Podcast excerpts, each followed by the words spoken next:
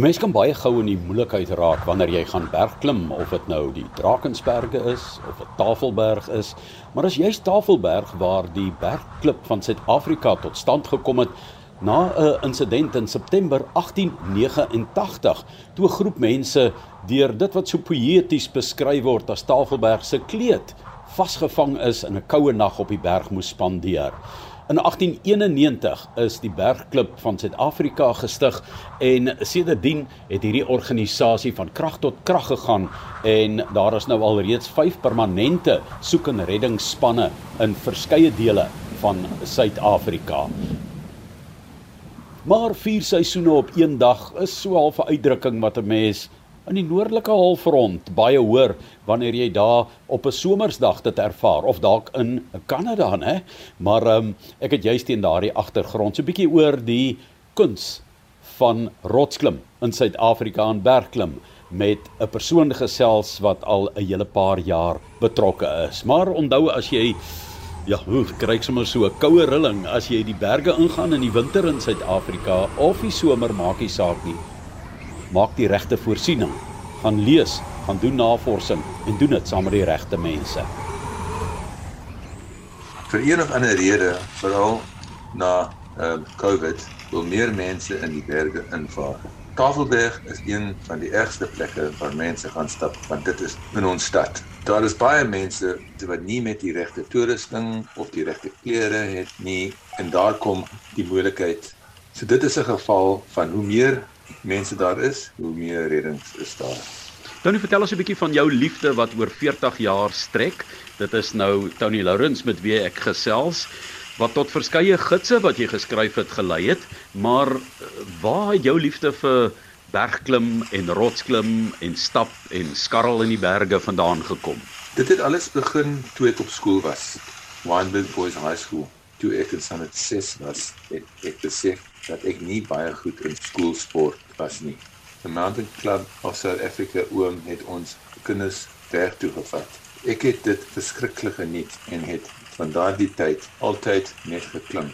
Daarna het ek by die Scouts aangesluit wat vir my aan die buitelewe geleer. Vertel vir ons 'n bietjie van die tipe mense wat hou daarvan om te rotsklim en saam met jou die berge in te vaar. Veral die buitelanders, van waar kom hulle en hoekom Suid-Afrika se berge? Klim is 'n internasionale sport en daar is baie tipe mense wat hierdie sport beoefen. Daar is dokters, prokureurs en ook alledaagse mense tot ook studente en skooliere. Klim is 'n tipe sport wat 'n mens kan maklik verslaaf raak. Dit is 'n sport wat jou hele lewe oorneem.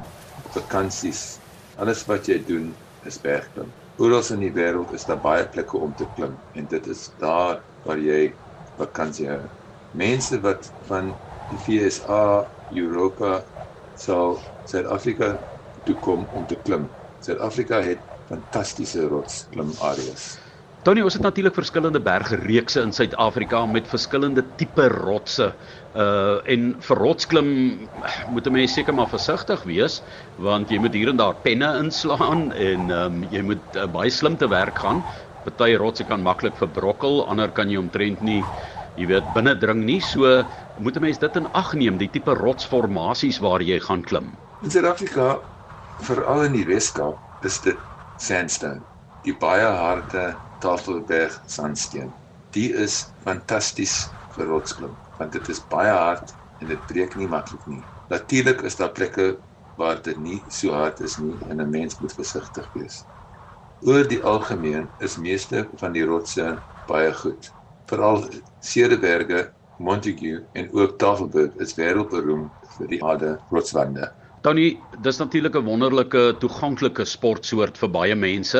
Ehm um, jy kan met ehm um, jy weet basiese toerusting kan jy begin. Dit kan baie baie duur raak en gespesialiseerd raak, maar dis wat dit so lekker maak, né, om te kan gaan stap in die veld in die berge en stadig jou so ek wil as dit ware sê in te wurm in hierdie sportsoort van rotsklim. Daar is baie kategorieë van klim. Byvoorbeeld, daar is rotsklim met 'n tou van hoog op en as jy val, dan sal die tou en die toerusting vir jou verhoed om seer te kry bouldering waar klim is by 'n boulder omtrent 5 meter hoog opklim sonder toue, maar hulle maak gebruik van crash pads waarop hulle val. Die crash pads is spesifiek ontwerp met dik spons en so voort om 'n val te breek sonder om seer te kry. So enige vorm van klim het definitief 'n risiko, maar as die sport reg gedoen is, kan dit veilig wees. Met bouldering gebruik mens nie 'n tou of 'n harnas nie. Net 'n chalk bag en spesiale skoene word nog gebruik. Natuurlik, as jy val, sal jy die grond tref en dan is daar die feit dat as jy nie reg val nie, kan jy 'n enkel breek of so iets. Met klim is daar nooit niks risiko nie, maar daar is allerlei veiligheidsmaatreëls. Tony, hoe hoog word Suid-Afrika aangeslaan in hierdie sportkode in die wêreld? Is ons klimmers goed? En het ons baie goeie gidse ook wat die oorseese mense kan vergesel wanneer hulle hier kom en hulle deur die stappies neem. Klim in Suid-Afrika is 'n sport wat groei. Maar ons het nie dieselfde kultuur in klim soos klim in Europa of die FSA nie. Daar word die kinders al geleer van klim en hulle bereik 'n hoër standaard van klim. Al het ons baie goeie klimmers in Suid-Afrika, ons bereik nie so 'n standaard van klim soos oorseese mense nie. Daar is 'n groot gaping tussen ons beste klimmers en die res van die wêreld. Vir gidse het ons baie goeie gidse vir stap en ook rotsklim. As 'n ervare klimmer Suid-Afrika toe kom vir rotsklim, sal hulle 'n gidsboek koop vir daardie area wat beskikbaar is, sonder dat hulle 'n gids aanstel.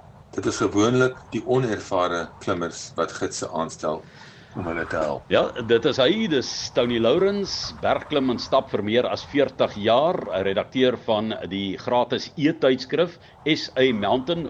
Gooi gerus 'n draai daar, want dalk sal dit net weer vir jou aan die gang kry om uh, die berge in te vaar. As vrywillige kan jy van die Magaliesberge tot die Drakensberge, oral waar daar berge is in Suid-Afrika aansluit by die MSCA, dis die Mountain Club of South Africa. Daar's 14 geografiese streke in Suid-Afrika waar jy 'n verskil kan maak deur te verken, te ontdek, te verbind en te beskerm en wie weet, dalk ook lewens te red.